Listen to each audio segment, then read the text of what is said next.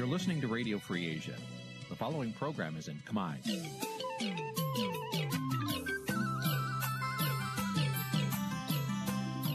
នេះជាកម្មវិធីផ្សាយ Vuthu Azizi Serai នេះជាកម្មវិធីផ្សាយរបស់ Vuthu Azizi Serai ជាភាសាខ្មែរ Vuthu Azizi Serai សូមស្វាគមន៍លោកអ្នកនាងទាំងអស់ពីរដ្ឋធានី Washington នៃសហរដ្ឋអាមេរិក បាទពីរដ្ឋធានី Washington ខ្ញុំបាទសេកបណ្ឌិតសូមជម្រាបសួរអស់លោកអ្នកនាងកញ្ញាទាំងអស់ជាទីមេត្រី បាទយើងខ្ញុំសូមជូនកម្មវិធីផ្សាយសម្រាប់រាត្រីថ្ងៃប្រហោះទី6រោចខែកដិកឆ្នាំឆ្លូវត្រីស័កពុទ្ធសករាជ2565បាទត្រូវនៅថ្ងៃទី25ខែវិច្ឆិកាគ្រិស្តសករាជ2021បាទជាដំបូងនេះសូមអញ្ជើញអស់លោកអ្នកនាងស្ដាប់ព័ត៌មានប្រចាំថ្ងៃដែលមានមេតិការដូចតទៅ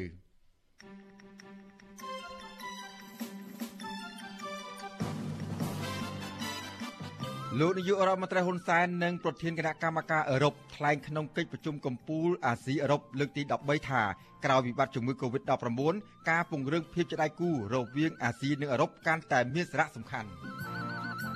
អ្នកជំងឺ Covid-19 ចំនួន4នាក់ទៀតបានស្លាប់និងជាង30នាក់ឆ្លងថ្មីសភាជាតិជ្រើសតាំងលោកជាមយៀបជាអនុប្រធានទី1រដ្ឋសភានិងអនុម័តច្បាប់ថវិកាជាតិឆ្នាំ2022 អង្គការលីកាដូរកឃើញថាអ្នកប្រើប្រាស់បណ្ដាញសង្គមកំពុងរងការបៀតបៀននិងរំលោភសិទ្ធិដោយគ្មានការជួយអន្តរាគមន៍ពីអាជ្ញាធរនិងក្រុមហ៊ុនរួមនឹងព័ត៌មានផ្សេងផ្សេងមួយចំនួនទៀតបាទជាបន្តទៅទៀតនេះខ្ញុំបាទសេកបណ្ឌិតសូមជូនព័ត៌មានពិស្ដាបាទលោកនាងកញ្ញាជាទីមេត្រីករណីស្លាប់ដោយសារជំងឺ Covid-19 បានកើនឡើងដល់ជាង2900នាក់ហើយក្រោយពីអ្នកជំងឺចំនួន4នាក់បានបានស្លាប់ក្នុងនោះ3នាក់ បានចាក់វ៉ាក់សាំងបង្ការជំងឺ Covid-19 ចំណែកករណីឆ្លងថ្មីវិញក្រសួងសុខាភិបាលប្រកាសថាមាន32នាក់ដែលជាលទ្ធផលបញ្ជាក់ដោយម៉ាស៊ីនពិសោធន៍ PCR បាទគិតត្រឹមព្រឹកថ្ងៃទី25ខែវិច្ឆិកានេះកម្ពុជាមានអ្នកកើតជំងឺ Covid-19 ប្រមាណ120,000នាក់ក្នុងនោះអ្នកជាសះស្បើយមានជាង110,000នាក់បាទក្រសួងសុខាភិបាលប្រកាសថាគិតត្រឹមថ្ងៃទី24វិច្ឆិកាម្សិលមិញ រដ្ឋាភិបាលបានចាក់វ៉ាក់សាំងជូនដល់ប្រជាពលរដ្ឋដែលគ្រប់អាយុប្រមាណ10លាននាក់សម្រាប់ដូសទី1និងជាង9លាន7សែននាក់សម្រាប់ដូសទី2បាទចំណែកកុមារនិងយុវជនដែលមានអាយុចាប់ពី6ឆ្នាំដល់17ឆ្នាំវិញក្រសួងបញ្ជាក់ថាចាក់វ៉ាក់សាំងបានប្រមាណ4លាននាក់ក្នុងចំណោមអ្នកដែលត្រូវចាក់វ៉ាក់សាំងសរុបជាង4លាននាក់បាទលោកនាងកញ្ញាជាទីមេត្រី រដ្ឋសភាគណៈបកប្រជាជនកម្ពុជា បានសម្រេចជ្រើសតាំងលោកជាមយៀបជាអនុប្រធានទី1នៃរដ្ឋសភាជាផ្លូវការហើយនៅព្រឹកថ្ងៃទី25ខែវិច្ឆិកានេះបាទលោកជាមយៀបដែលជាតំណាងរាស្ត្រមណ្ឌលខេត្តព្រៃវែងចូលការតំណែងនេះជំនួសលោកងួនញើដែលបានទទួលមរណភាពកាលពីថ្ងៃទី5ខែវិច្ឆិកាកន្លងទៅបាទជាមួយគ្នានេះរដ្ឋសភាឯកបកបានជ្រើសតាំងលោកឈៀងវុន ធ្វើជាប្រធានគណៈកម្មាធិការសេដ្ឋកិច្ចហិរញ្ញវត្ថុធនាគារនិងសវនកម្មនៃរដ្ឋសភានិងជំនួសលោកជាមយៀបរីឯតំណែងប្រធានគណៈកម្មការកិច្ចការបរទេសសហប្រតិបត្តិការអន្តរជាតិឃោសនាការនិងព័ត៌មានវិញរដ្ឋសភាបានជ្រើសតាំងលោកសួយារ៉ាឲ្យធ្វើជាប្រធានជំនួសលោកឈៀងវុន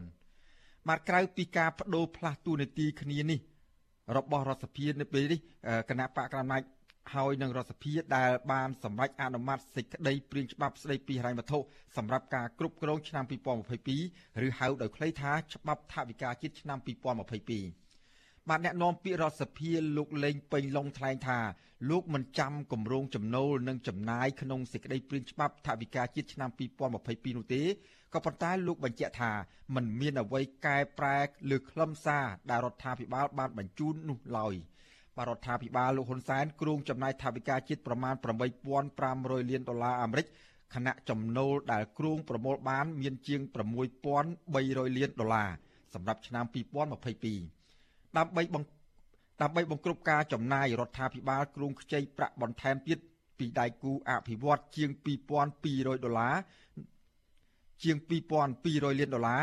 និងបោះផ្សាយលក់មូលបត្ររដ្ឋជាលើកដំបូងចំនួន300លានដុល្លារ បាទនេះបើតាមសេចក្តីព្រៀងច្បាប់ដែលគណៈកម្មការដែលគណៈរដ្ឋមន្ត្រីបានអនុម័តកាលពីថ្ងៃទី22ខែតុលាកន្លងទៅមុនពេលបញ្ជូនមករដ្ឋសភាបាទអង្គការសង្គមស៊ីវិលបានស្នើយ៉ាងទទូចដល់រដ្ឋាភិបាលប្រើប្រាស់ថវិកាជាតិនេះឲ្យចំទិសដៅមានប្រសិទ្ធភាពនិងជៀសផុតពីអំពើពុករលួយថវិកាជាតិនេះមានសារៈសំខាន់យ៉ាងខ្លាំងក្នុងការជួយស្ដារស្ថានភាពសេដ្ឋកិច្ច និងសង្គមរបស់កម្ពុជា ដែលប៉ះពាល់ដោយសារវិបត្តិជំងឺ Covid-19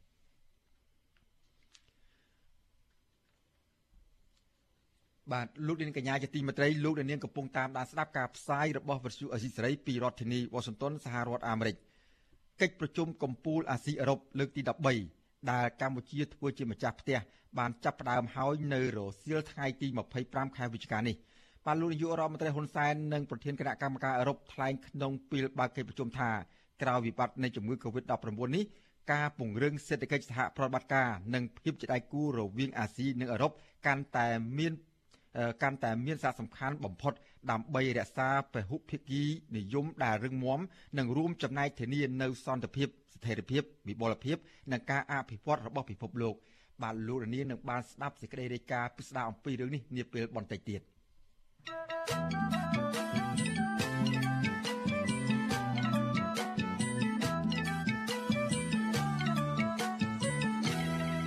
បាទលោកនាងកញ្ញាជាទីមេត្រីប្រជាពលរដ្ឋជាច្រើនអ្នកដែលជាជនជាតិដើមភាគតិចភ្នងរស់នៅខេត្តមណ្ឌលគិរីបានលើកគ្នាតវ៉ាជុំវិញករណីអាញាធរជំនាញបានចេញប្លង់កម្មសិទ្ធិឬប្លង់រឹងក្នុងតំបន់ដីព្រៃស្រោងអស់ជិត100ហិកតា បានអ្នកភូមិទៀមទាសុំអាញាធរដកហូតដីព្រៃស្រោងទាំងនោះមកជាសម្បត្តិរដ្ឋវិញ បាទពីរដ្ឋធានីវ៉ាស៊ីនតោនលោកសនចានរដ្ឋារាយការណ៍ជុំវិញព័ត៌មាននេះជនជាដើមភាគតិចភ្នងជាង30នាក់តំណាងឲ្យបរតរាប់រយគ្រួសារនៅភូមិពូត្រែងឃុំដាក់ដាំស្រុកអូរាំងបន្តទៀមទាអាញាធរខេមរដូគិរីសឹមគេតតទៅនឹងករណីអាញាធរចេញបានកម្មសិទ្ធិដីធ្លីនៅក្នុងតំបន់ព្រៃស្រោងដោយមិនមានច្បាប់ អ្នកភូមិរកឃើញប្លង់មួយស្លឹកដែលមានត្រានឹងចតលេខាដោយប្រធានមន្ត្រីសុរិយោដីខេមរដូគិរីលោកម៉ៅចម្រើន កាលពីខែឧសភាឆ្នាំ2021បង្ហាញពីទីតាំងដីទំហំ80ហិកតា ដែលមានឈ្មោះញ៉ាំម៉ូវ៉ាន់ឌីជាម្ចាស់កម្មសិទ្ធិតំណាងប្រលោកស្វាយពេនបានថ្លែងក្នុងពេលតវ៉ាកាលពីព្រឹកថ្ងៃទី25ខែវិច្ឆិកាថាដីព្រៃស្រោងទំហំ80ហិកតាដែលមន្ត្រីជំនាញធ្វើប្លង់កម្មសិទ្ធិប៉ះចំដីព្រៃសហគមន៍ភូមិពូត្រែងដែលមានព្រំប្រទល់ជាប់ឃុំស្រាមពុំស្រុកពេជ្រដា លើពីនេះដីតំបន់នោះមានព្រៃដំណំព្រៃកប់សំនិងព្រៃអភិរក្សដែលជួនជាដើមភេតិចសែនព្រេនជារៀងរាល់ឆ្នាំលោកបញ្ជាក់ថាចំហរបស់អ្នកភូមិនឹងបន្តទៀមទាដីព្រៃស្រោងនេះជាសបារដ្ឋវិញដោយសារពលលោកបានស្រែផលជាច្រើនចំនួនមកហើយ។ប្លង់រឹងនៅក្នុងដីហ្នឹងគឺពួកខ្ញុំកំពុងឆ្ងល់ឥឡូវហ្នឹងនៅកដាលព្រៃសោះសុកសុកមកចេញប្លង់រឹងសូមអាជ្ញាធរដែលពាក់ព័ន្ធជួយរត់រយុទ្ធធរឲ្យពួកខ្ញុំផង ហើយពាក់ព័ន្ធនឹងដីតំណបខាងនេះគឺដីតំណបគឺដីចំការទៅនិយាយរឿងព្រៃខ្មោចទៅខាងក្រោយពូគាត់នោះគឺដីព្រៃខ្មោចហើយវិទ្យុអស៊ីសេរីមិនតន់អាចតតងសុំការបំភ្លឺនឹងនេះពីប្រធានមន្ត្រីដែនដីនគររូបនីយកម្មនៅសំណង់ខេមរដូគិរីលោកម៉ៅចម្រើនបានដល់ទេ នៅថ្ងៃទី25ខែវិច្ឆិកា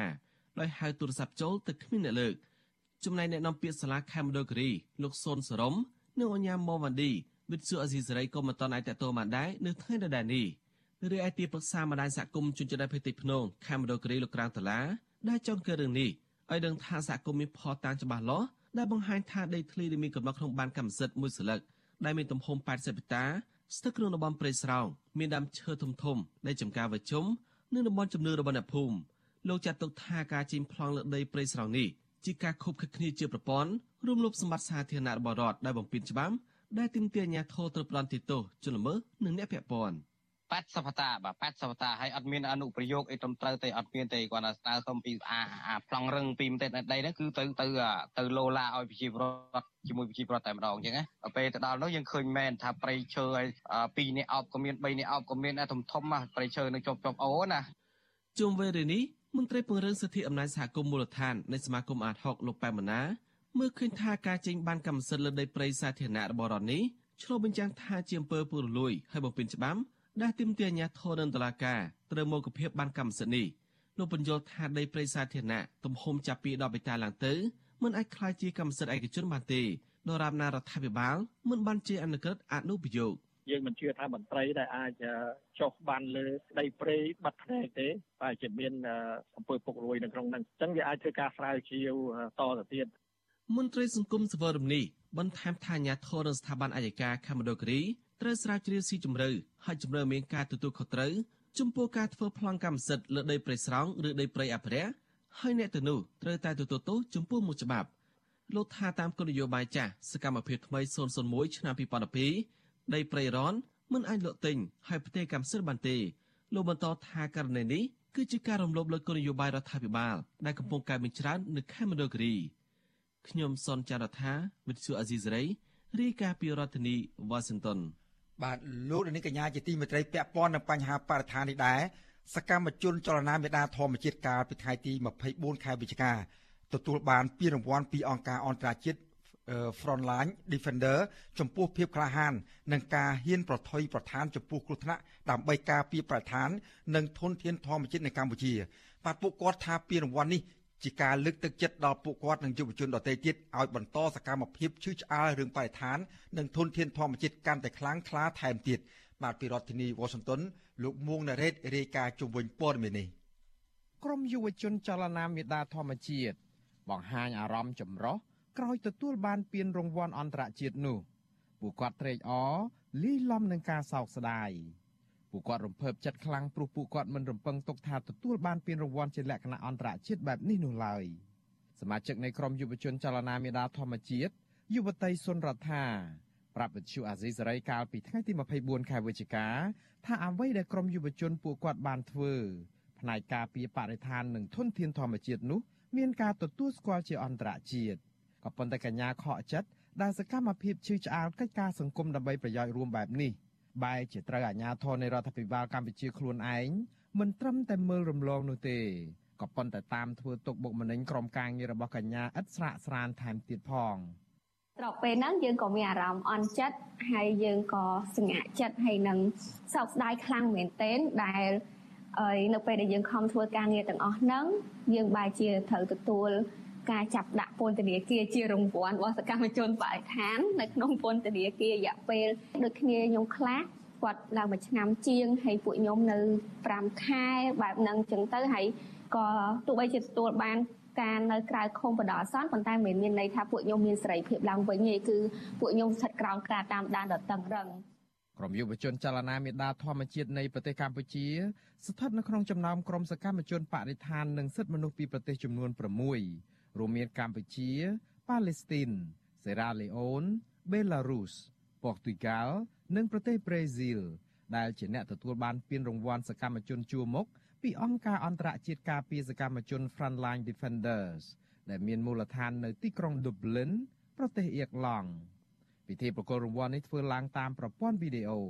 ពានរង្វាន់សកម្មជនជួរមុខនេះត្រូវបានបង្កើតឡើងនៅក្នុងឆ្នាំ2005 ដើម្បីទទួលស្គាល់កិច្ចការរបស់សកម្មជនបរិស្ថាន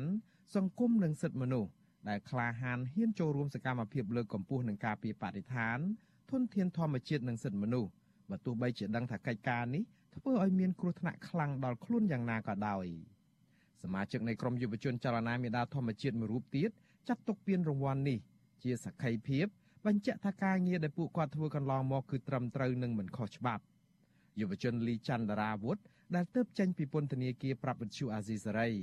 ថាសកលលោកទទួលស្គាល់និងឲ្យតម្លៃការងាររបស់ក្រុមការងាររបស់លោកលោកថាពានរង្វាន់នេះគឺក្រុមលោកទទួលនៅក្នុងនាមប្រជាប្រដ្ឋខ្មែរជាច្រើនអ្នកផ្សេងទៀតដែលតស៊ូផ្នែកបរិស្ថាននិងធនធានធម្មជាតិនៅកម្ពុជា រង្វាន់នេះលោកថាជាការលើកទឹកចិត្តដល់សកម្មជនទាំងអស់មិនខុសពីសមាជិកក្រុមចលនាមេដាធម្មជាតិកញ្ញាសុនរដ្ឋាលោកលីច័ន្ទតារាវុធ ខកចិត្តនឹងអាញាធរកម្ពុជាដែលជាម៉ែឪតែបែរជាមិនលើកទឹកចិត្តក្រុមយុវជនឲ្យនាំគ្នាចូលរួមឈឺឆ្អាលកិច្ចការនេះតែបែរជាតាមយាយីធ្វើបាបពួកគាត់ទៅវិញមើលពានរង្វាន់ហ្នឹងគេឃើញថាវាជាពានរង្វាន់ដែលចេញពីប្រទេសដែលគេកាន់លទ្ធិប្រជាធិបតេយ្យហើយជាជាប្រទេសមួយដែលគេផ្ដល់តម្លៃទៅដល់ប្រជាពលរដ្ឋផ្ដល់តម្លៃសកលទៅដល់មនុស្សដែលមនុស្សគ្រប់គ្នាមានសិទ្ធិស្មើគ្នាហើយ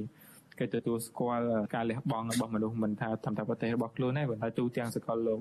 តែបើយើងប្រៀបធៀបទៅក្នុងប្រទេសយើងវិញយើងឃើញថាប្រជាធិបតេយ្យរបស់របស់យើងហ្នឹងវាហាក់ដូចជាដើរថយក្រោយហើយយើងកំពុងតែស្ថិតនៅក្នុងរបបមួយដែលដែលវាមានលក្ខណៈផ្ដាច់ការសិទ្ធិសេរីភាពយើងតែបានគេរដ្ឋបិទប៉ុន្តែខ្ញុំជឿថាប្រជាពលរដ្ឋខ្មែរគាត់នឹងផ្ដល់តម្លៃនៅពេលគាត់បានដឹងអំពីព័ត៌មានថាយើងទទួលបានពានរង្វាន់ហ្នឹង ភ្លាមភ្លាមក្រោយដំណឹងនៃការផ្ដល់ពានរង្វាន់នេះចេញភ្លាមប្រជាពលរដ្ឋខ្មែរជាច្រើនបានផ្ញើសារអបអរសាទរចែករំលែកព័ត៌មានតាមបណ្ដាញសង្គមយ៉ាងផុសផុសជាមួយគ្នានេះមន្ត្រីអង្គការសហប្រជាជាតិក៏បានផ្ញើសារអបអរសាទរក្រុមយុវជននៃចលនាមេដាធម្មជាតិទាំងនេះភ្លាមដែរអ្នករាយការណ៍ពិសេសរបស់អង្គការសហប្រជាជាតិទទួលបន្ទុកផ្នែកសិទ្ធិមនុស្សប្រចាំនៅកម្ពុជាលោកវិទិតមុនតាបនសរសេរសារលើទំព័រ Facebook របស់លោក ដោយលោកសូមអបអរសាទរដល់ចលនាមេដាធម្មជាតិកម្ពុជា ចំពោះការទទួលស្គាល់ជាសកលដ៏សំខាន់នេះលោកបន្តថាការការពារបរិស្ថាន គឺជាតម្រូវការដ៏ចាំបាច់បំផុតមួយនៅក្នុងពិភពលោកនាពេលបច្ចុប្បន្ននេះដោយដែលត្រូវបានទទួលស្គាល់កាលពីខែមុនតាមរយៈសេចក្តីសម្រេចរបស់ក្រុមប្រឹក្សាសិទ្ធិមនុស្សលេខ48លើ13លោកថាការការពារបរិស្ថាន មានទំនាក់ទំនងគ្នាយ៉ាងជិតស្និទ្ធទៅនឹងការអំពាវនាវឲ្យមានសន្តិភាពសិទ្ធិមនុស្ស ប្រជាធិបតេយ្យនិងការអភិវឌ្ឍប្រកបដោយចីរភាពវិទ្យុអាស៊ីសេរីមិនទាន់អាចសុំការយល់ឃើញពីអ្នកនាំពាក្យក្រសួងបរិស្ថានលោកនេតភក្ត្រានិងប្រធានអង្គភិបអ្នកនាំពាក្យរដ្ឋាភិបាលលោកផៃស៊ីផានជំរឿននេះបាននៅឡើយទេកាលពីថ្ងៃទី24ខែវិច្ឆិកាបើទោះបីជាយ៉ាងនេះក្តីសមាជិកក្រុមយុវជនចលនាមេដាធម្មជាតិទាំងនេះអំពាវនាវឲ្យរដ្ឋាភិបាលកម្ពុជានិងមន្ត្រីស្ថាប័នពាក់ព័ន្ធទាំងអស់ផ្លាស់ប្តូរអេរយាប័តនិងងាកមកចេះគិតគូរយកចិត្តទុកដាក់ ឲ្យតម្លៃនិងលើកទឹកចិត្តដល់សកម្មជនសង្គមទាំងអស់ដើម្បីរួមសហការជាមួយគ្នាការពារបរិស្ថាននិងធនធានធម្មជាតិឲ្យគង់វង្សបើសិនជាប្រជាជនយើងចាប់ដើមនឹងប្រើប្រាស់សិទ្ធិរបស់ខ្លួនក្នុងការការពារបរិស្ថានខ្ញុំគិតថាការធ្វើទុកបុកម្នេញទៅលើសកម្មជនបរិស្ថាននឹងនឹងថយចុះទៅដោយសារតែយើងរួមគ្នាការពារគ្នាទៅវិញទៅមកប៉ុន្តែបើសិនជាមានតែយុវជនតែ2 3 អ្នកអញ្ចឹងទៅខ្ញុំគិតថាគេងាយស្រួលនឹងបង្ក្រាបដូច្នេះខ្ញុំគិតថាយុវជននៅតែអាចចូលរួមធ្វើសកម្មភាពការពារបរិស្ថានរបស់ខ្លួនបានដោយភាពក្លាហានហើយនឹងភាពវៃឆ្លាតរបស់ខ្លួនជាសំណូមពរឬក៏សារពីខ្ញុំទៅចង់ឲ្យអ្នកទាំងអស់គ្នាមើលឃើញពីផលប្រយោជន៍រួមហើយងាកមកការពារផលប្រយោជន៍រួមនឹងទាំងអស់គ្នាដើម្បីកូនចៅជំនាន់ក្រោយជាមួយគ្នានេះពួកគាត់អំពាវនាវដល់យុវជនខ្មែរទាំងអស់រួមគ្នាយកចំណេះដឹងនិងជំនាញដែលបានរៀនសូត្រពីសាលា មកចូលរួមកិច្ចការទាំងនេះព្រោះយុវជនជាម្ចាស់វាសនា ម្ចាស់ប្រទេសដែលមានសិទ្ធិជឿឆ្អាលកិច្ចការការពារបរិស្ថាន និងធនធានធម្មជាតិនេះពួកគាត់បន្តបដិញ្ញាថានឹងបន្តធ្វើសកម្មភាពសង្គមនេះតទៅទៀតដោយមិនរាថយឡើយខ្ញុំបាទមុងណារ៉េត With you Azisari ប្រធានាទី Washington បាទលោកដានាងកញ្ញាជាទីមេត្រីពាក់ព័ន្ធនឹងការទទួលបានពានរង្វាន់ផ្នែកខាងបរិស្ថានពីអង្គការអន្តរជាតិនេះនៅពេលបន្តិចទៀតនេះយើងនឹងអញ្ជើញក្រុមយុវជនចលនាមេដាធម្មជាតិមានពីររូបគឺមានកញ្ញាភួនកែរស្មី និងលោកលីច័ន្ទរាវុធដើម្បីមកផ្ដល់បទសម្ភាសន៍ជុំវិញរឿងទទួលបានពានរង្វាន់នេះនៅពេលបន្តិចទៀតនេះសូមអញ្ជើញអស់លោករនាងកុំភ្លេចរងចាំតាមដានទស្សនាកិច្ចសភានេះកុំបីខានបាទសូមអរគុណ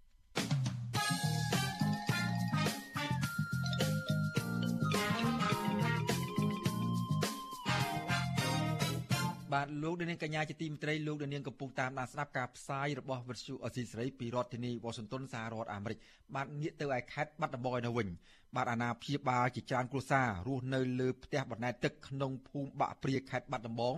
បានបង្ខំចិត្តឈប់ឲ្យកូនកូនបន្តការសិក្សាដោយសារមុខរបរនេសាទត្រីនេះបានធ្លាក់ចុះ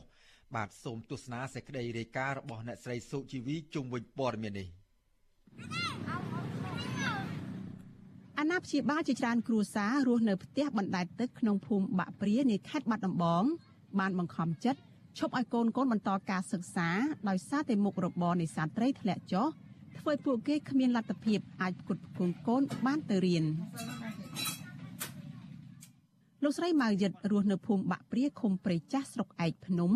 ថាលោកស្រីជួបការលំបាកច្រើនដោយសារតែរកត្រីមិនបានសម្រាប់យកទៅលក់ដើម្បីផ្គត់ផ្គង់គ្រួសារដូចមុន លោកស្រីថាក្មេងៗនឹងឈប់រៀនកាន់តែច្រើន រួមទាំងកូនរបស់លោកស្រីផងដែរតកូនរៀនណាចង់ឲ្យឈប់តើកូនរៀនអូនខ្ញុំមានលុយតឲ្យរៀនទៅយើងមានតរេះទៅរស់ស៊ីវាស្រួលតែអត់តរេះយ៉ាប់មួយថ្ងៃចង់ឲ្យតកូនរៀនដល់ពេលថាមើលទៅវាពីមុនមកមានលុយចាយទៅចាមានចិត្តចង់រៀនដល់ពេលអត់អត់លុយចាយទៅ ឃើញម៉ែអត់ឪពុកអត់នឹងមានលុយទៅរៀនស្ត្រីវ័យ50ឆ្នាំរូបនេះបន្តថាលោកស្រីមានកូន5នាក់ក្នុងនោះ4នាក់បានបោះបង់ការសិក្សាហើយនៅសល់តែកូនពៅម្នាក់កំពុងរៀននៅថ្នាក់ទី2លោកស្រីបន្ថែមថាកូនដែលកំពុងរៀននេះក៏មិនដឹងថាអាចបន្តដល់ថ្នាក់ទីប៉ុន្មាននោះទេ គឺមើលទៅតាមលទ្ធភាពជាក់ស្ដែង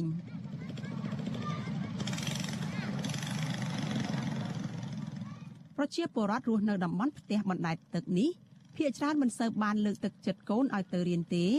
ដោយសារតែជីវភាពខ្វះខាតម្យ៉ាងទៀតមុខរបរនេសាទក៏ត្រូវការកម្លាំងពលកម្មច្រើនជាងមុនដែលតម្រូវឲ្យកុមារដែលមានអាយុពី14ទៅ15ឆ្នាំត្រូវទៅនេសាទជាមួយឪពុកម្ដាយបញ្ហាទាំងនេះធ្វើឲ្យពួកគេមានការនឿយណាយពីការរៀនសូត្រកាន់តែខ្លាំងពលរដ្ឋម្នាក់ទៀតលោកស្រីណលប៉ាយ បានមករស់នៅលើផ្ទះបណ្ដែតទឹកអស់រយៈពេលជាង20ឆ្នាំលោកស្រីបានប្តីជាអ្នកនេសាទនៅភូមិបាក់ព្រាកូនរបស់លោកស្រីទាំង5នាក់បានឈប់រៀនត្រឹមថ្នាក់ទី3និងថ្នាក់ទី4ដោយសារតែជីវភាពខ្វះខាតលោកស្រីថាជីវភាពគ្រួសាររបស់លោកស្រីពឹងផ្អែកទាំងស្រុងទៅលើការនេសាទត្រីព្រោះมันមានដីស្រែបើឡើងទៅនៅតែឲ្យកូននៅសិក្សាយើងអត់មានអីអង្គមហោប ដឹងយើងមានអីបានទៅរោឲ្យកូនហូបបបាក់បើកូនឈប់រៀនចេះទៅនាំកូនទៅស៊ីឈ្នួលគេទៅរោទៅបានបដោះមកពេលមកពេលទៅបានព្រឹកស៊ីព្រឹកបានល្ងាចស៊ីល្ងាចចឹងចឹងទៅបើសិនគេឲ្យកូននៅសិក្សាសិក្សាយើងអត់មានលុយតទៅមុខទៀតចឹងហើយតទៅឲ្យកូនឈប់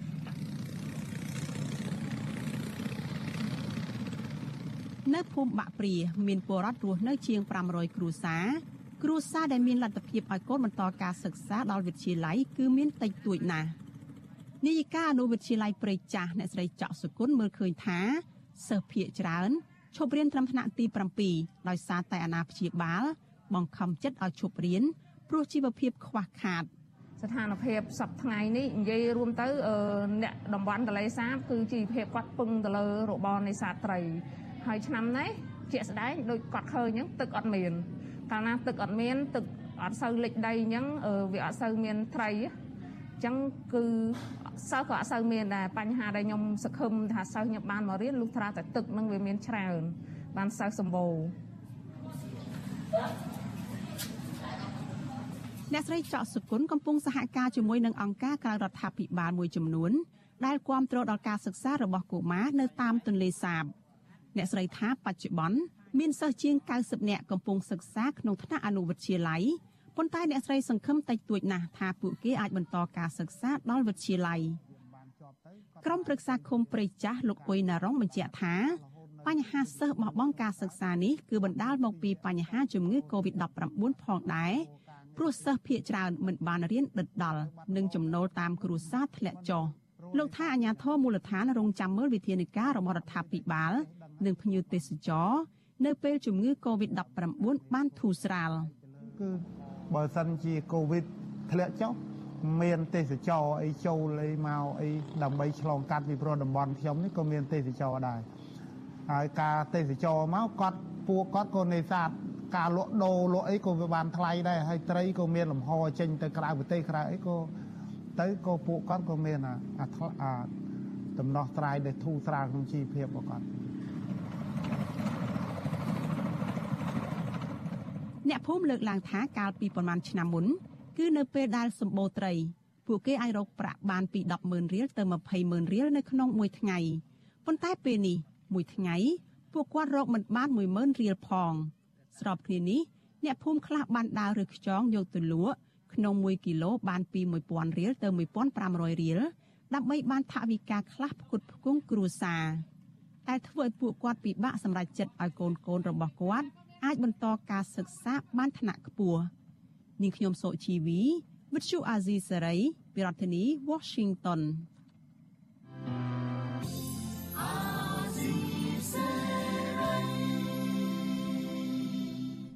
បាទលោកនាងកញ្ញាជាទីមេត្រីលោកនាងកំពុងតាមដានស្ដាប់ការផ្សាយរបស់វិទ្យុអសីសេរីពីរដ្ឋធានី Washington សហរដ្ឋអាមេរិក។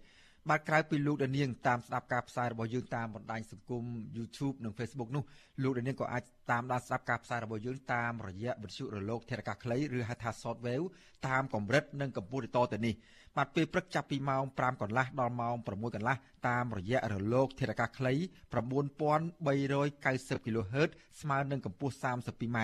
និង11850 kHz ស្មើនឹងកម្ពស់ 25m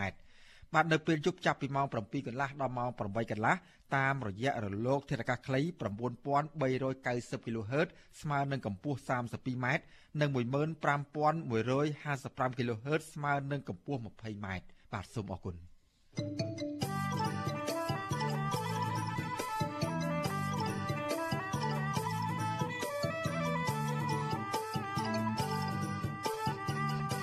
បាទលោកនាងកញ្ញាជាទីមេត្រីកិច្ចប្រជុំកំពូលអាស៊ីអឺរ៉ុបលើកទី13ហៅថាអាស៊ឹម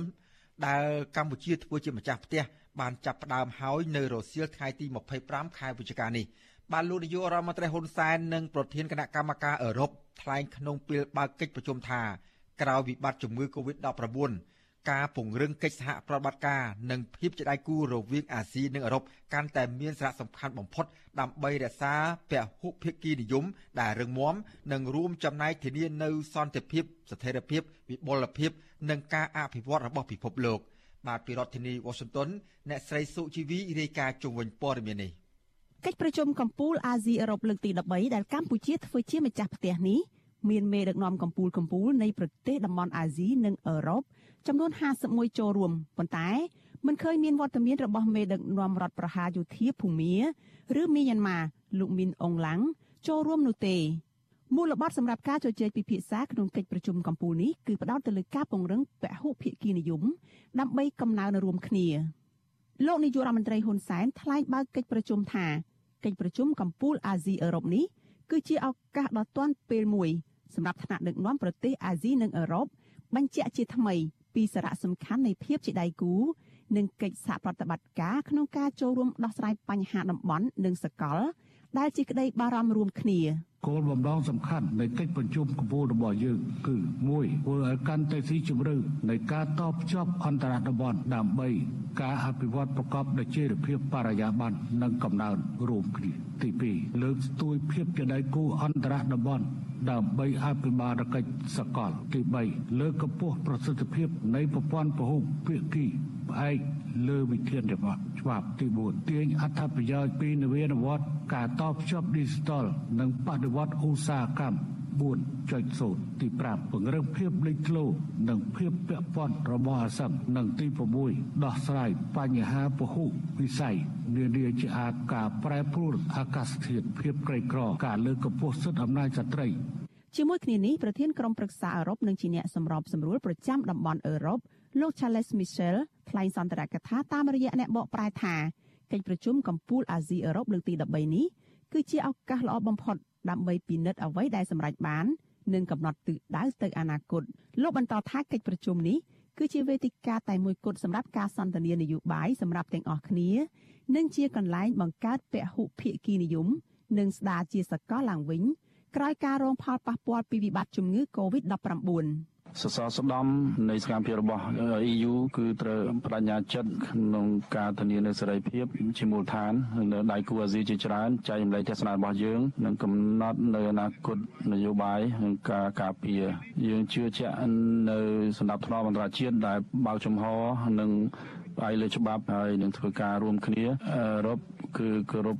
នៅដៃគូស្មោះត្រង់ហើយយើងត្រៀមខ្លួនជាស្រេចក្នុងការធ្វើស៊ីជម្រៅនៅតំណែងតំណងហើយអ្នកទាំងអស់គ្នាដើម្បីផលប្រយោជន៍ប្រជាពលរដ្ឋរបស់យើងទាំងអស់គ្នាសូមអរគុណជាមួយគ្នានេះដែរប្រធានគណៈកម្មការអឺរ៉ុបអ្នកស្រី Ursula von der Leyen សង្ឃឹមថាកិច្ចប្រជុំនេះនឹងជួយកសាងឡើងវិញនៅពិភពលោកមួយ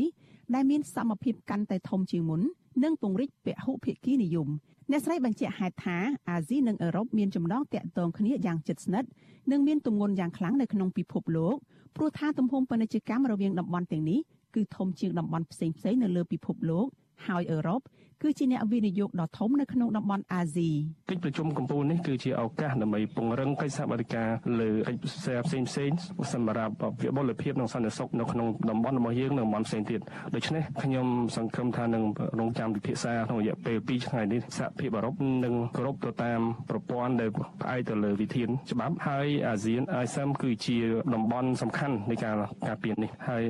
យើងស្វែងរកអ្វីដែលការជាបែកគ្នារវាង geopolitics ហើយនៅក្នុងការចូលរួមរបស់យើងនៅក្នុង Indo-Pacific បន្ទាប់ពីថ្លែងសន្ទរកថាបើកិច្ចប្រជុំហើយក្រុមមេដឹកនាំទាំងនេះក៏បន្តប្រជុំបិទទ្វារដោយមិនមានការផ្សព្វផ្សាយផ្ទាល់ជាសាធារណៈនោះទេក្រសួងការបរទេសកម្ពុជាក៏មិនទាន់ចេញសេចក្តីប្រកាសព័ត៌មានអំពីខ្លឹមសារលម្អិតនៃកិច្ចប្រជុំនេះដែរខណៈកិច្ចប្រជុំនឹងបន្តធ្វើមួយថ្ងៃទៀតគឺនៅថ្ងៃទី26ខែវិច្ឆិកាតកតទៅនឹងកិច្ចប្រជុំនេះអ្នកវិភាគនយោបាយលោកកឹមសុខថ្លែងថា ថ្មីត្បិតតែលោកហ៊ុនសែនលើកឡើងពីការពង្រឹងពហុភាគីនិយមក្តីក៏មេដឹកនាំរដ្ឋាភិបាលឯកបៈរូបនេះមិនបានលើកឡើងពីលក្ខខណ្ឌអ្វីខ្លះនោះទេលោកយល់ថាដើម្បីពង្រឹងភាពជាដៃគូនិងកិច្ចសហប្រតិបត្តិការរវាងអាស៊ីនិងអឺរ៉ុបនោះគឺសហភាពអឺរ៉ុបប្រកាសជាទាមទារឲ្យកម្ពុជាស្ដារប្រជាធិបតេយ្យនិងសិទ្ធិមនុស្សឡើងវិញ ព្រមទាំងលើកឡើងពីសន្តិសុខនៅក្នុងតំបន់ជាពិសេសទាក់ទងនឹងការសង្ស័យរឿងមូលដ្ឋានទ័ពចិននៅកម្ពុជាចង់ឬមិនចង់ទាក់ទងនឹងកម្ពុជា GSP និង EBA ដែលជាប្រព័ន្ធអនុគ្រោះពន្ធរបស់អាមេរិកហើយនិងអឺរ៉ុបហ្នឹងរួមវិភាគនធំណាស់នៅក្នុងការជំនុញនៃសេដ្ឋកិច្ចរបស់ប្រទេសកម្ពុជាដែលក៏ជាកំណើនរួមរបស់អាស៊ីអឺរ៉ុបដែរហើយទី2គឺជាគោលការណ៍រួមរបស់អាស៊ីអឺរ៉ុបដោយប្រធានសហភាពអឺរ៉ុបនិយាយអញ្ចឹងដំណាភាពការទុកចិត្តការគោរពសិទ្ធិមនុស្សជាមូលដ្ឋានហើយចំណុចវាអាទិភាពសំខាន់បំផុតសម្រាប់កម្ពុជា ចង់មិនចង់សហគមន៍អន្តរជាតិគេបារម្ភអំពីការបោះឆ្នោតមិនត្រឹមត្រូវនៅឆ្នាំ2022និងឆ្នាំ2023ដូច្នេះមិនផុតពីគេត្រូវលើកយកចំណុចហ្នឹងមកនិយាយនៅក្នុងកិច្ចប្រជុំបတ်ទ្វារទេនៅមុនកិច្ចប្រជុំកម្ពុជាអាស៊ីអឺរ៉ុបនេះអង្គការឃ្លាំមើលសិទ្ធិមនុស្សអន្តរជាតិ Human Rights Watch បានអំពាវនាវដល់សហភាពអឺរ៉ុបនិងរដ្ឋជាសមាជិកនៅតំបន់នេះឲ្យថ្កោលទោសរដ្ឋាភិបាលកម្ពុជាឲ្យបានខ្លាំងក្លា ចំពោះការដែលកម្ពុជាមិនព្រមអើពើដោះស្រាយបញ្ហាសិទ្ធិមនុស្សឲ្យស្របតាមកាតព្វកិច្ចរបស់ខ្លួនក្រោមច្បាប់អន្តរជាតិអង្គការ Human Rights Watch គូបញ្ជាក់ថាសហភាពអឺរ៉ុបនិងរដ្ឋជាសមាជិកគួរតែលើកយកបញ្ហាសិទ្ធិមនុស្សនិងលទ្ធិប្រជាធិបតេយ្យធ្វើជារបៀបវិរៈស្នូលនៅក្នុងកិច្ចសន្ទនារវាងសហភាពអឺរ៉ុបនិងតំបន់អាស៊ីអាគ្នេយ៍អង្គការនេះបានរំលឹកឡើងវិញ ពីការដែលសហភាពអឺរ៉ុបបានដកហូតប្រព័ន្ធអនុគ្រោះពន្ធ EBA 20%ពីកម្ពុជាដោយសារតែរកឃើញថាមានការរំលោភបំពានសិទ្ធិមនុស្សធ្ងន់ធ្ងរជាប្រព័ន្ធក្រោយការរំលាយគណៈបកសង្គ្រោះជាតិកាលពីចុងឆ្នាំ2017អង្គការ Human Rights Watch ពន្យល់ថាការលើកឡើងពីបញ្ហានេះមកធ្វើជារបៀបវិរៈមិនមែនជាអ្វីដែលលោកហ៊ុនសែនចង់ឃើញនោះទេប៉ុន្តែក្រោយពីលោកបានដឹកនាំបែបប្រជាការអស់រយៈពេល36ឆ្នាំមក ការថ្កោលទោសជំវិញបញ្ហាសិទ្ធិមនុស្សនោះគឺជាអ្វីដែលលោកហ៊ុនសែនសមនឹងទទួលបាននាងខ្ញុំសុជីវីវិទ្យុអាស៊ីសេរីពីរដ្ឋធានី Washington បាទលោកនាងកញ្ញាជាទីមេត្រីពាក់ព័ន្ធនឹងកិច្ចប្រជុំអាស៊ានលើកទី13ដែលកម្ពុជាធ្វើជាម្ចាស់ផ្ទះលើកដំបូងនេះដែរបាទយើង បានអញ្ជើញលោកវ៉ាន់ប៊ុនណាលោកវ៉ាន់ប៊ុនណាគឺជាអ្នកសិក្សាស្រាវជ្រាវនៅវិទ្យាស្ថានខ្មែរសម្រាប់សហប្រតិបត្តិការនិងសន្តិភាពដើម្បីឲ្យលោកបានមកជម្រាបជូនលោកនាងបន្ថែមទៀតជំវិញព្រឹត្តិការណ៍នៃកិច្ចប្រជុំអាស៊ានលើកទី1លើកទី13ដែលកម្ពុជា ជាម្ចាស់ផ្ទះនៅពេលនេះបាទខ្ញុំបាទសូមជម្រាបសួរលោកវ៉ាន់ប៊ុនណាពីចម្ងាយបាទបាទសូមជម្រាបសួរលោកសេងបណ្ឌិតក៏ដូចជាប្រិមត្តអ្នកស្ដាប់អាស៊ីសេរីទាំងអស់ជាទីមេត្រីផងបាទ បាទអរគុណបណ្ណាតើមានការសង្កេតឃើញយ៉ាងម៉េចដែរចំពោះកិច្ចប្រជុំអាស៊ានលើកទី13នេះដែលកម្ពុជាធ្វើម្ចាស់ផ្ទះនេះមានប្រព្រឹត្តទៅថ្ងៃទី1នេះតែពិតយើងកិច្ចប្រជុំនេះពីថ្ងៃគឺត្រូវថ្ងៃទី20 25នេះនិងថ្ងៃទី26ស្អែកទៀតក៏ប៉ុន្តែចាក់ចង់ឲ្យលោកវណ្ណាបង្ហាញអំពីទស្សនវិជ្ជាដំបូងនៃការបើកកិច្ចប្រជុំនេះតើមានអ្វីគួរឲ្យកត់សម្គាល់ទេបាទអឺសូមអរគុណ ហើយជាបឋមខ្ញុំចង់ចាប់អារម្មណ៍តកតទៅនឹងកិច្ចប្រជុំអាស៊ឹមទាំងមូលហើយក៏ដូចជាបង្ហាញនៅសាវតាខ្លះខ្លះថាតើអ្វីទៅជាកិច្ចប្រជុំអាស៊ឹមសម្រាប់អស់លោកអ្នកស្ដាប់ដែលឲ្យលោកបានយល់ពីប្រព័ន្ធក៏ដូចជាសាវតាខ្លះខ្លះផងដែរអឺយើងឃើញថាអាស៊ឹមបង្កើតឡើងនៅឆ្នាំ1960 1996ដែលវាคล้ายបានคล้ายទៅជាវេទិកាសំខាន់ក្នុងការតបជួបតំណែងតំណង និងការលើកកម្ពស់ជាដៃគូរវាងទ្វីប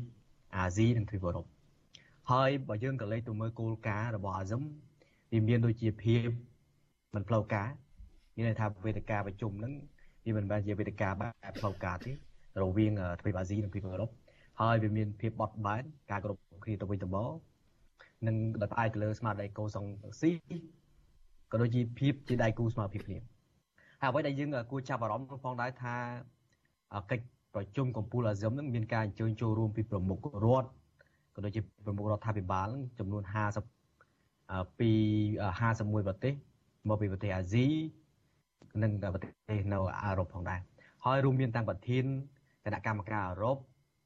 ក្រុមប្រឹក្សាអឺរ៉ុបក៏ដូចជាអគ្គលេខាធិការអាស៊ានហើយបើសិនជាយើងក៏លេខទៅមើលពី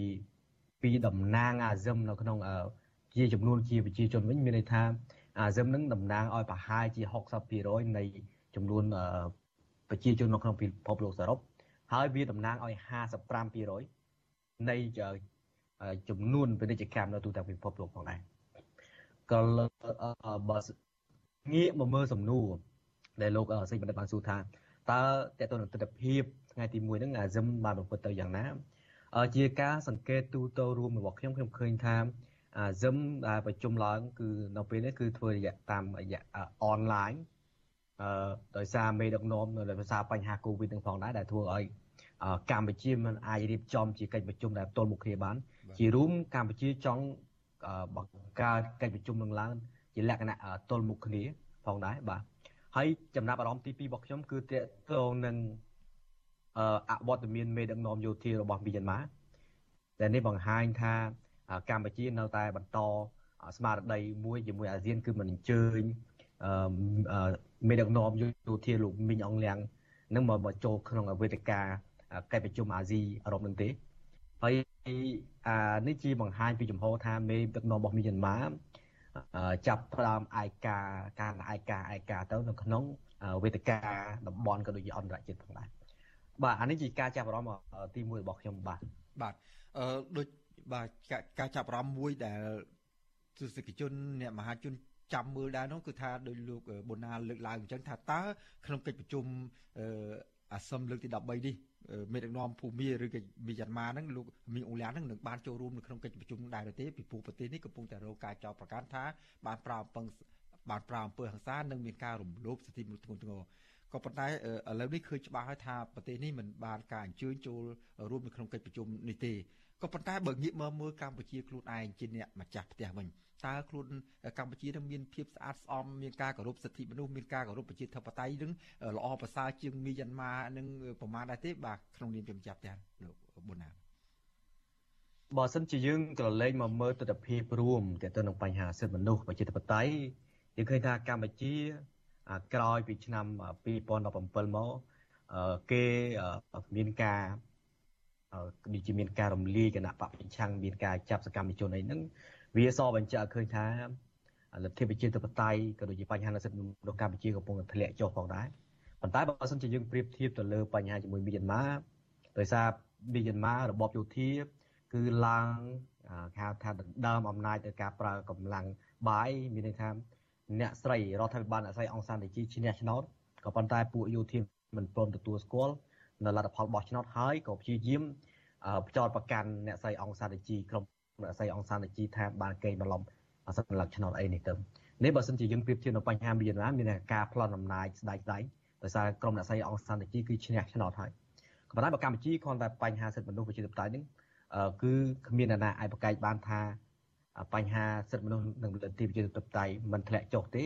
ក៏ប៉ុន្តែបើសិនជាយើងប្រៀបធៀបពីស្ថានភាពយើងឃើញថាកម្ពុជាមានហាក់ មានភាពល្អប្រសើរច្រើនទៅនឹងស្ថានភាពសិទ្ធិមនុស្សលទ្ធិប្រជាធិបតេយ្យនៅមីយ៉ាន់ម៉ាបាទក៏ប៉ុន្តែកន្លងមកនេះរដ្ឋាភិបាលកម្ពុជាដែលដឹកនាំដោយលោកនាយករដ្ឋមន្ត្រីហ៊ុនសែនហ្នឹងក៏មានការចោទប្រកាន់ដូចគ្នាថារដ្ឋាភិបាលហ៊ុនសែនបាន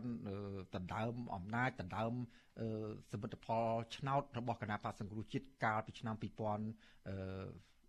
កន្លងទៅនោះដែលមានអាសនៈឃុំ ក្រុមប្រឹក្សាគុំស្កាត់ស្ទើរកន្លះនគរនោះហើយនឹងរំលីកគណៈបកសង្គ្រោះជាតិនេះចោលថែមទៀតផងនោះតើបញ្ហានេះលោកបណ្ណាយល់ឃើញមិនដែរបាទអឺចំណុចរួមយើងឃើញថាមានទស្សនវិជ្ជាអញ្ចឹងមែនក៏ប៉ុន្តែដោយសារមានគេហៅថាយន្តការបោះឆ្នោតមួយនៅក្នុងឆ្នាំ2018ដោយសារខាងគណៈបកកណ្ដាលអំណាចគេបើទោះបីជាមានការរំលាយគណៈបកប្រឆាំងក៏ពិតមែនក៏ប៉ុន្តែគេមានការការអំណាចមួយតាមរយៈការបោះឆ្នោតបើទោះបីជាការបោះឆ្នោតនឹង មានការចម្រូងចម្រាសថាមានមិនមានភាពអឺត្រឹមត្រូវយុទ្ធធម៌និងសេរីក៏ដោយក៏ប៉ុន្តែចង់មិនចង់ក៏រដ្ឋាភិបាលសពថ្ងៃគឺកាត់ចេញរយៈតាមរយៈការបោះឆ្នោតដែលជាយន្តការមួយនៅក្នុងសង្គមប្រជាធិបតេយ្យបើសិនជាយើងឆ្លុះបញ្ចាំងថាការបោះឆ្នោតនោះត្រឹមត្រូវឬយុត្តិធម៌ប៉ុណ្ណាអានឹងជារឿងដោយឡែកមួយទៀតប៉ុន្តែរឿងដែលយើងអាចមើលជាក់ស្ដែងគឺដោយសាររដ្ឋាភិបាលបច្ចុប្បន្នគឺការចេញទៅការបោះឆ្នោតដែរបើទោះបីជាការបោះឆ្នោតនោះมันមានភាពប្រក្រតីឬក៏ត្រឹមត្រូវយុត្តិធម៌ មួយណាក៏ដោយប៉ុន្តែបើសិនជាយើងកលេចមើលថាកម្ពុជាព្រួយបារម្ភទេមុនប្រជុំកិច្ចប្រជុំកម្ពុជាអាស៊ីអឺរ៉ុបលើកទី13ហ្នឹងដែលកម្ពុជាធ្វើជាម្ចាស់ម្ចាស់ផ្ទះយើងឃើញថាបើសិនជាយើងមើលឲ្យលម្អិតមែនទែនឃើញកម្ពុជាមុនកិច្ចប្រជុំ2ថ្ងៃកម្ពុជាបានរដ្ឋាភិបាលកម្ពុជាបានដោះលែងអ្នកទោសនយោបាយសកម្មជនបរិស្ថានចំនួន26នាក់មុនកិច្ចប្រជុំអាស៊ានដែលកើតឡើងនេះ នេះក៏វាជាសញ្ញាបង្ហាញថាកម្ពុជាយល់ឃើញថាដើម្បីបន្ធូរបន្ថយស្ថានភាពតាមតាំងណាមួយជាមួយសហភាពអឺរ៉ុបក៏ដូចជាប្រទេសនានានៅក្នុងកិច្ចប្រជុំហ្នឹងកម្ពុជាត្រូវតែធ្វើស្ដារស្ថានភាពមួយណាដែលអាចបន្ធូរបន្ថយស្ថានភាពមួយផ្នែកតូចនេះផងដែរបាទបាទឥឡូវនេះងាកមកមើលបញ្ហាកម្ពុជាដែលក្នុងខ្លួនជាប្រធានកិច្ចប្រជុំនេះ តើវាមានផលប្រយោជន៍អីសម្រាប់កម្ពុជាដែលបានទទួលបានពីកិច្ចប្រជុំអាស៊ានលើកទី13នេះឬមួយក៏ហើយផលប្រយោជន៍នេះនឹងបានផ្ដល់ដល់ប្រជាជាតិអាស៊ីអាគ្នេយ៍នៅក្នុងតំបន់យ៉ាងណាដែរបាទសូមប្រសង្ខេប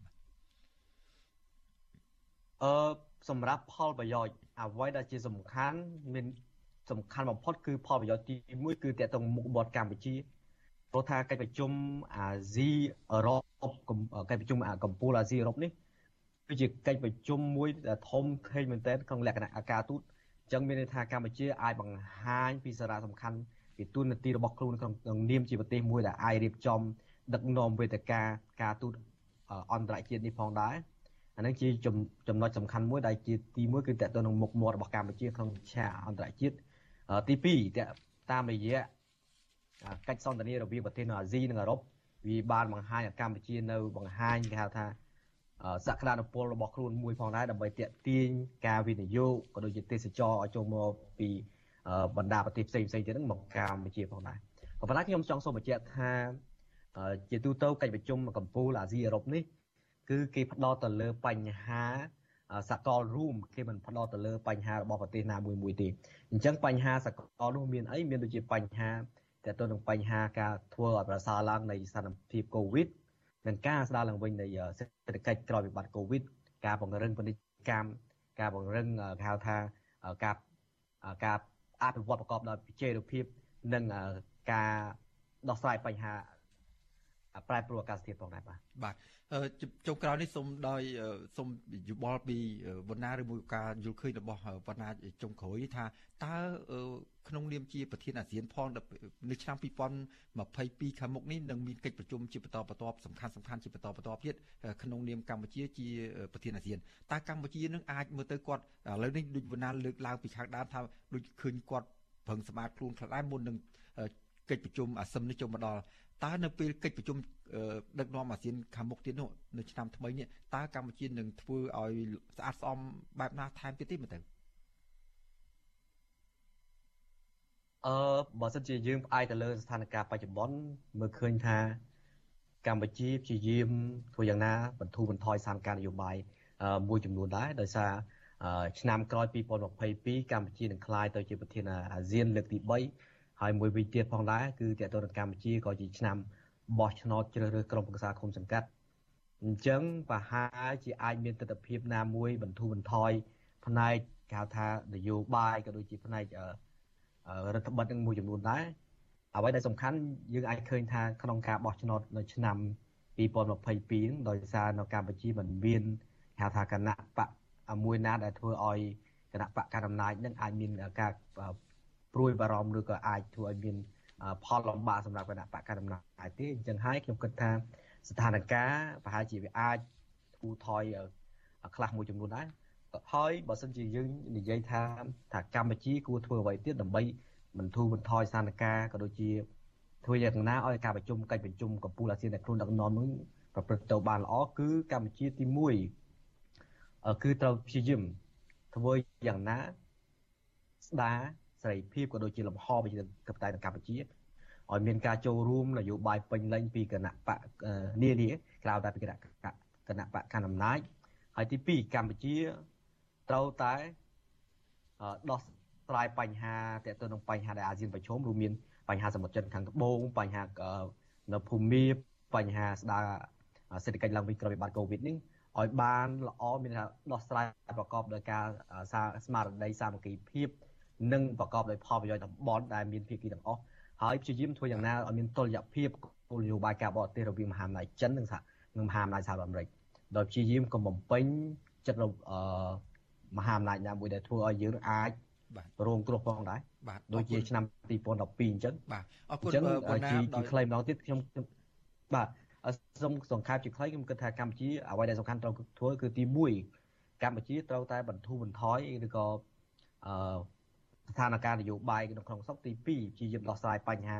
នៅថ្នាក់តំបន់នឹងឲ្យបានល្អជាមួយនឹងនឹងនឹងនឹងនឹងសមាជិកសភអឺអាស៊ានដទៃទៀតបាទបាទសូមអរគុណលោកវត្តប៊ុនណាដែលបានចំណាយពេលវេលាដ៏មានតម្លៃផ្ដល់បទសភាជាមួយនឹងវិទ្យុអាស៊ីសេរីសម្រាប់លើកនេះបាទជំរាបលាតែប៉ុណ្្នឹងសិនបាទបាទសូមអរគុណសូមជម្រាបលា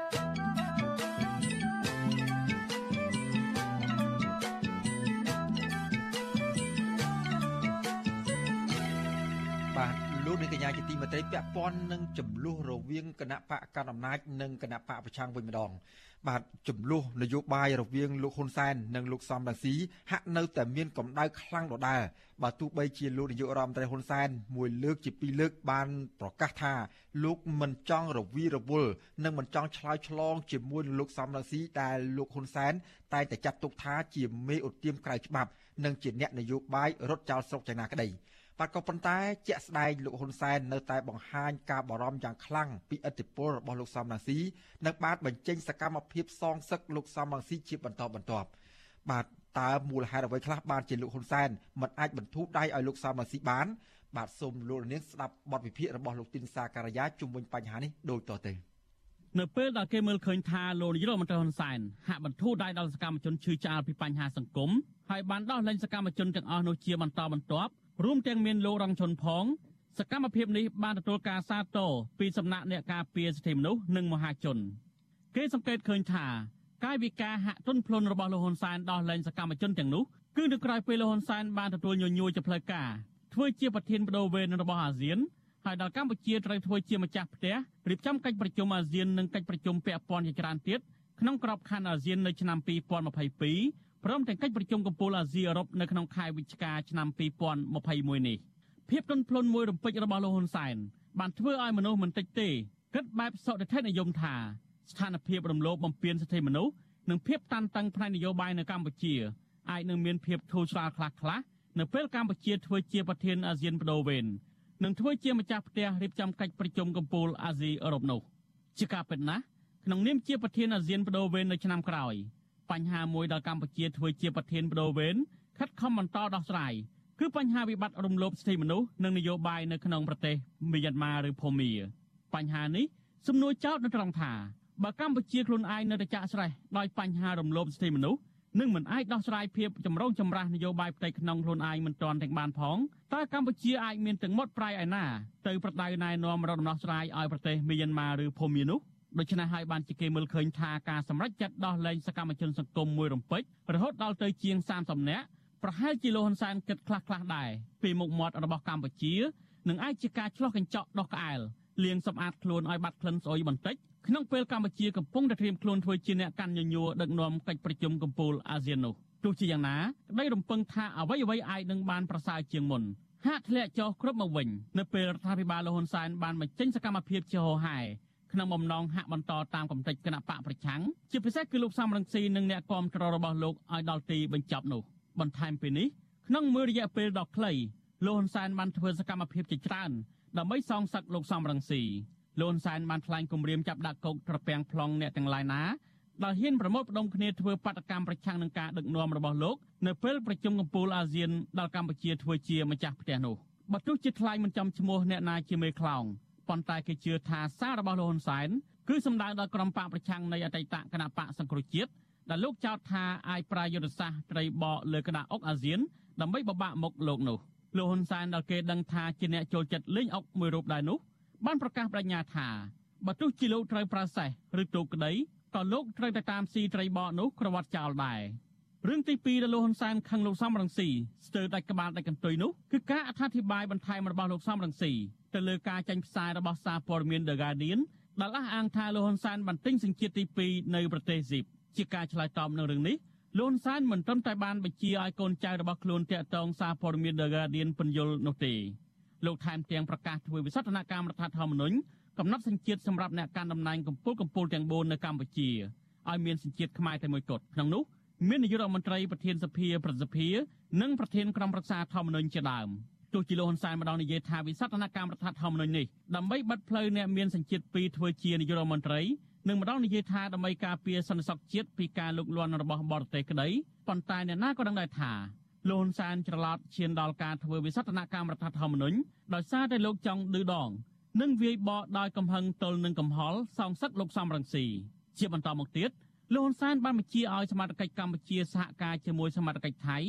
ចាប់បញ្ជូនខ្លួនអ្នកសរសេរកំណាព្យរិះគន់ការដឹកនាំរបស់លោកនិងសកម្មជនគណបកសង្គ្រោះជាតិពីប្រទេសថៃមកដាក់ពន្ធនាគារនៅព្រៃសរអ្នកទាំងពីរនេះនៅមុនពេលចាប់ខ្លួនលោកហ៊ុនសែនបានបដិញ្ញាថានឹងតាមចាប់ខ្លួនឲ្យបានបើទោះជាក្នុងតម្លៃណាក៏ដោយ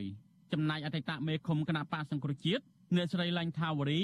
ក៏ត្រូវបានតុលាការឃុំខ្លួននៅពន្ធនាគារព្រៃសរក្រោយពីបញ្ជូនមកពីប្រទេសថៃតាមការស្នើសុំរបស់រដ្ឋាភិបាលលោកហ៊ុនសែនដែរ ការសងសឹកលើលោកសំរងស៊ីនិងបកពួកមិនទាន់ចប់ត្រឹមនេះទេកាលពីថ្ងៃទី17វិច្ឆិកាតុលាការក្រុងភ្នំពេញមិនបានអនុញ្ញាតឲ្យសកម្មជនគណបកសង្គ្រោះជាតិចំនួន14នាក់ឲ្យនៅក្រៅខុំបណ្ដោះអាសន្ននោះឡើយទោះបីជាពួកគេបានជាប់ពន្ធនាគារជិត2ឆ្នាំដោយមិនទាន់មានការជំនុំជម្រះក្តីក៏ដោយពួកគេត្រូវបានចាប់ប្រកាន់ពីបទរួមគំនិតក្បត់ញុះញង់ឲ្យមានភាពវឹកវរធ្ងន់ធ្ងរដល់សន្តិសុខសង្គមនិងញុះញង់មិនឲ្យយោធិនស្ដាប់បង្គាប់បន្ថែមពីលើនេះ តុលាការនៃរដ្ឋាភិបាលលហ៊ុនសែនកាលពីថ្ងៃទី16វិច្ឆិកាបានចេញលិខិតកោះហៅលោកសំរងស៊ីមន្ត្រីនិងសកម្មជនបកប្រឆាំងចំនួន42រូបចូលរួមក្នុងសវនាការនៅថ្ងៃទី7ធ្នូក្នុងសំណុំរឿងរួមគណិតក្បត់និងញុះញង់ពាក់ព័ន្ធនឹងដំណើរមេត្តាភូមិនិវត្តរបស់លោកសំរងស៊ីកាលពីចុងឆ្នាំ2019មែនតើទៅសំណុំរឿងនេះមានជនជាប់ចោតរហូតដល់ជាង130នាក់ក្នុងចំណោមពួកគេអ្នកខ្លះកំពុងរស់នៅបរទេសដោយសារតែរដ្ឋាភិបាលលហ៊ុនសែនមិនអនុញ្ញាតឲ្យចូលកម្ពុជាវិញ បើទោះបីជាពួកគេស្នើសុំចូលតតាំងរឿងក្តីនៅតុលាការជាច្រើនដងក៏ដោយអស់ចាជាងនេះទៅទៀតនោះគណៈបកបៃដងជាតិដែលត្រូវបានគណៈបកប្រជាជនកម្ពុជាចោទប្រកាន់ថាត្រូវបានបង្កើតឡើងដោយមានការជួយជ្រោមជ្រែងនិងប្រើប្រាស់ថវិកាលោកនីលការដៃរបស់លោកសំរងស៊ីគណៈបកនេះក៏ត្រូវបានរដ្ឋាភិបាលលហ៊ុនសែនមិនអនុញ្ញាតឲ្យបង្កើតដែរចំណែកស្ថាបនិកនៃគណៈបកនេះក៏អាចប្រឈមនឹងការចោទប្រកាន់ពីតុលាការថែមទៀតផងជាចុងក្រោយអ្វីដែលគេមិនបាននឹកស្មានដល់នោះតុលាការនៃរដ្ឋាភិបាលលហ៊ុនសែន បានចេញដោយការសម្រេចដាក់លោកដីនិងទ្រព្យសម្បត្តិនៃទីស្នាក់ការគណៈបកសង្គ្រោះជាតិដែលជាទ្រព្យសម្បត្តិរបស់លោកសំរងស៊ីនិងភរិយាដើម្បីសងសំណងរដ្ឋភវេនីដល់លោកហ៊ុនសែននិងលោកហេងសំរិនលោកសខេងនិងមេធាវីតំណាងរដ្ឋាភិបាលកម្ពុជាក្នុងសំណុំរឿងបរិហាកេនិងញុះញង់ការប្រកាសលោកទ្រព្យសម្បត្តិរបស់លោកសំរងស៊ីដើម្បីសងលោកហ៊ុនសែនត្រូវបានគេមើលឃើញថាជាការឌឺដងរបស់លោកហ៊ុនសែនទៅកាន់សហរដ្ឋអាមេរិកដែលកាលពីពេលថ្មីថ្មីនេះ បានសម្រេចដាក់ទណ្ឌកម្មមន្ត្រីយោធាជាន់ខ្ពស់ថ្នាក់ឧត្តមសេនីយ៍កម្ពុជាពីររូបពាក់ព័ន្ធនឹងអំពើពុករលួយក្នុងការសាងសង់មូលដ្ឋានទ័ពជើងទឹករៀមដែលអាមេរិកកំពុងចោទប្រកាន់កម្ពុជាថាសម្រាប់បំរើវិស័យយោធារបស់ចិននោះដូច្នេះហើយទើបមានអ្នកខ្លះលើកឡើងថាការប្រកាសលោកទ្រព្យសម្បត្តិរបស់លោកសំរងស៊ីជាការសងសឹករបស់លោកហ៊ុនសែនលើលោកសំរងស៊ីផងនិងជាការផ្កើនឬឌឺដងរដ្ឋាភិបាលអាមេរិកផងដែលហាក់ប្រៀបបានដូចជាការខឹងគោទៅវាយរទេះអញ្ចឹងដែរមែនតើទៅ គេហាក់ដូចជាមានសង្ឃឹមតិចតួចណាស់ថាលោកហ៊ុនសែននឹងអាចបន្ធូរដៃដល់ក្រុមបកប្រឆាំងជាពិសេសដល់លោកសំរងស៊ីដោយសារតែនៅក្នុងក្រសែភ្នែករបស់លោកហ៊ុនសែនតាំងពីដើមទីមកលោកសំរងស៊ីគឺជាគូប្រជែងប្រកបដោយការបារម្ភតែមួយគត់ដែលអាចធ្វើឲ្យរង្គោះរង្គើដល់ការកាន់អំណាចរបស់លោកជាពិសេសបើសិនជាលោកហ៊ុនសែនហ៊ានបើកឲ្យលោកសំរងស៊ីប្រណាំងប្រជែងនយោបាយដោយចំហ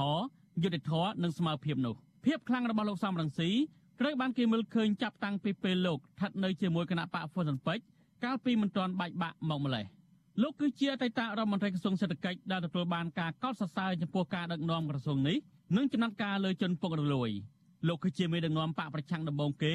ដែលបាក់បកបានត្រឹមតែ3ឆ្នាំតែអាចទទួលបានអាសនៈក្នុងរដ្ឋសភារហូតដល់ទៅ15អាសនៈក្នុងការបោះឆ្នោតឆ្នាំ1998ចំនួនអាសនៈសភាគណៈបករបស់លោកបានកើនឡើងជារៀងរាល់អាណត្តិនៅទីបំផុតក្រោយការបង្រួបបង្រួមបង្កើតគណៈបកសង្គ្រោះជាតិគណៈបកប្រឆាំងមួយនេះ ស្ទើរតែធ្វើឲ្យគណៈបកប្រជាជនកម្ពុជារបស់លោកហ៊ុនសែនបាត់បង់អំណាចកាលពីឆ្នាំ2013បកប្រឆាំងបន្តរក្សាភាពខ្លាំងរបស់ខ្លួនរហូតដល់ការបោះឆ្នោតជ្រើសរើសក្រុមប្រឹក្សាឃុំសង្កាត់នៅឆ្នាំ2017ដោយសារតែភាពខ្លាំងនេះហើយ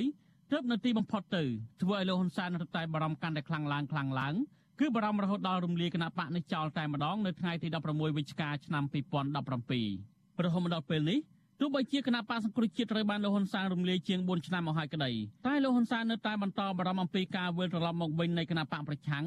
និងបារម្ភពីវោហារសាស្ត្រនយោបាយរបស់លោកសំរងស៊ី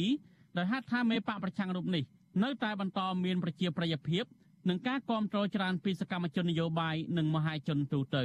គេសង្កេតឃើញថារដ្ឋាភិបាលលហ៊ុនសែនតែងតែតាមដាននៅវោហារសាស្ត្រនយោបាយរបស់លោកសំរងស៊ីថ្លែងនៅក្រៅប្រទេសរហូតជំរុញឲ្យលោកហ៊ុនសែន មិនត្រឹមតែមិនឆ្លងឆ្លើយជាមួយលោកសំរងស៊ីដោយដែលលោកហ៊ុនសែនតែងតែប្រកាសនោះទេតែលោកហ៊ុនសែនថែមទាំងបានរៀបចំយុទ្ធសាស្ត្រដើម្បីទប់ទល់នឹងអធិបុលរបស់លោកសំរងស៊ីថែមទៀតផងនោះណាក៏ដឹងដែរថាលោកហ៊ុនសែនបានប្រើគ្រប់វិធីសាស្ត្ររារាំងមិនឲ្យលោកសំរងស៊ីអាចវិលចូលច្រកវិញបានលោកសំរងស៊ីប្រកាសពីផែនការវិលចូលច្រកនៅថ្ងៃទី9វិច្ឆិកាឆ្នាំ2019និងគៀកោឲ្យសកម្មជននៅក្រៅប្រទេសចូលច្រកជាមួយនឹងអ្នកគាំទ្រនៅក្នុងប្រទេសទៅទទួលលោក បាយជាលោកហ៊ុនសែនទប់ស្កាត់និងបានគម្រិតកំហែងមិនឲ្យក្រុមហ៊ុនអាកាសចរដល់លោកសំរងស៊ីវិលចូលកម្ពុជាវិញបានឡើយលើសពីនេះលោកហ៊ុនសែនបានប្រាប់រដ្ឋាភិបាលថៃមិនអនុញ្ញាតឲ្យលោកសំរងស៊ីឆ្លងចូលកម្ពុជាតាមទឹកដីថៃនោះទេក្រៅពីរារាំងលោកសំរងស៊ីមិនឲ្យចូលស្រុកបានលោកហ៊ុនសែនបានធ្វើទុកបុកម្នេញសកម្មជននិងអ្នកគាំទ្រគណៈបកប្រឆាំងណាដែលហ៊ានបង្ហោះសារឬប្រកោកប្រកាសចូលរួមដំណើរជាមួយលោកសំរងស៊ីមានសកម្មជនបកប្រឆាំងជាច្រើនត្រូវបានលោកហ៊ុនសែនចាប់ប្រកាន់ និងចាប់ដាក់គុករហូតមកដល់បច្ចុប្បន្ននៅពេលរៀបចំយុទ្ធសាស្ត្រមិនឲ្យលោកសំរងស៊ីវិលចូលច្រកវិញបានហើយលោកហ៊ុនសែនជារឿយៗបែរជាថ្លែងឌឺដងថាលោកសំរងស៊ីជាអ្នកនយោបាយកំសាករត់ចោលប្រជាពលរដ្ឋមិនហ៊ានចូលស្រុកទៅវិញប៉ុន្តែទាំងលោកសំរងស៊ីទាំងមន្ត្រីនិងសកម្មជនបកប្រឆាំងដែលត្រូវបានតុលាការចាប់ប្រកាន់និងក៏ហៅចូលរំសាវនាការមកដល់សប្តាហ៍ថ្ងៃនៅតែទទូចឲ្យលោកហ៊ុនសែនបើកផ្លូវឲ្យពួកគេវិលចូលកម្ពុជាវិញបើទោះជាថានៅពេលមកដល់កម្ពុជា លោកហ៊ុនសែនចាប់ពួកគេដាក់គុកក៏ដោយប៉ុន្តែគេមើលឃើញថាលោកហ៊ុនសែនមិនក្លាហានហ៊ានឲ្យលោកសំរងស៊ីវិលចូលស្រុកវិញបាននោះឡើយមកដល់ត្រង់ចំណុចនេះប្រហែលជាគេអាចធ្វើសេចក្តីសន្និដ្ឋានបានថាលោកហ៊ុនសែនមិនងាយបន្ធូរដៃឲ្យលោកសំរងស៊ីនោះទេលោកហ៊ុនសែនអាចដោះលែងសកម្មជនសង្គមឲ្យមានសេរីភាពខ្លះខ្លះដើម្បីបង្ហាញឲ្យសហគមន៍អន្តរជាតិឲ្យឃើញពីភាពធូរស្រាលស្ថានភាពរំលោភសិទ្ធិមនុស្សនៅកម្ពុជាក្នុងនាមខ្លួនជាប្រធានអាស៊ានបដូវវេន ប៉ុន្តែលោកហ៊ុនសែនប្រហែលជាមិនអាចបន្ធូរដៃឲ្យលោកសំរងស៊ីមន្ត្រីនិងសកម្មជនបកប្រឆាំងបាននោះទេ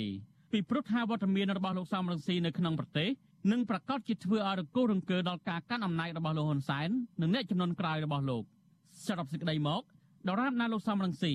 នៅតែអាចបន្តប្រើវោហារសាស្ត្រនយោបាយដរាបនោះលោកហ៊ុនសែននៅតែបន្តបារម្ភពីឥទ្ធិពលរបស់លោកសំរងស៊ីការបន្ធូរដៃរបស់លោកហ៊ុនសែនចំពោះលោកសំរងស៊ី ក៏អាចជាការចាប់ផ្ដើមចំពោះទៅរកការបាត់បង់អំណាចរបស់លោកហ៊ុនសែនដែរដូច្នេះហើយទើបគេមើលឃើញថាលោកហ៊ុនសែនបន្តតាមកំតិចលោកសំរងស៊ីនិងបពពួកដើម្បីការពារអំណាចរបស់លោកនិងក្រុមគ្រួសារ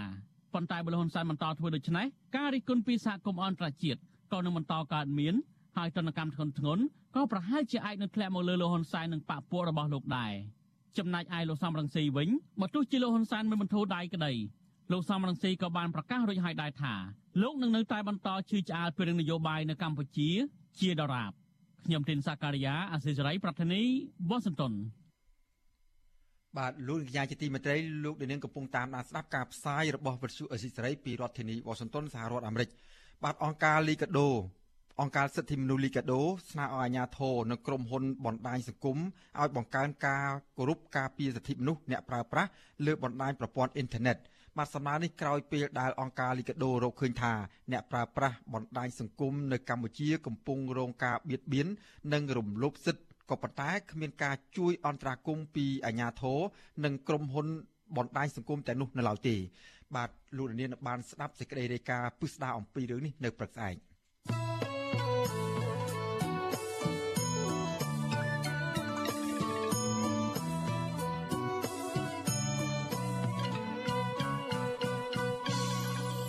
លោកនាងកញ្ញាជាទីមេត្រីលោកនាងកំពុងតាមដានស្ដាប់ការផ្សាយរបស់វិទ្យុអសីស្រីពីរដ្ឋធានី Washington សហរដ្ឋអាមេរិក បាទចំពោះលោកនាងដែលកំពុងតាមដានស្ដាប់ការផ្សាយរបស់យើងខ្ញុំតាមរយៈបណ្ដាញ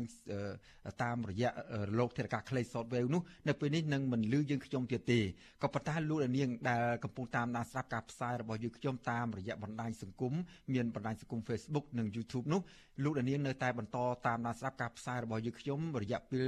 30រយៈពេល30នាទីបន្តទៅមុខទៀតបាទហើយក្នុងការផ្សាយជា ជាបន្តទៅទៀតនោះយើងនឹងមានបទសម្ភាសជាមួយនឹងក្រុមយុវជននៃចលនាមេដាធម្មជាតិអំពីការបានទទួលពានរង្វាន់ផ្នែកបរិស្ថានបាទសូមលោកនាងរងចាំស្ដាប់កិច្ចសម្ភាសនេះកុំបីខាននៅពេលបន្តិចទៀតនេះបាទសូមអរគុណ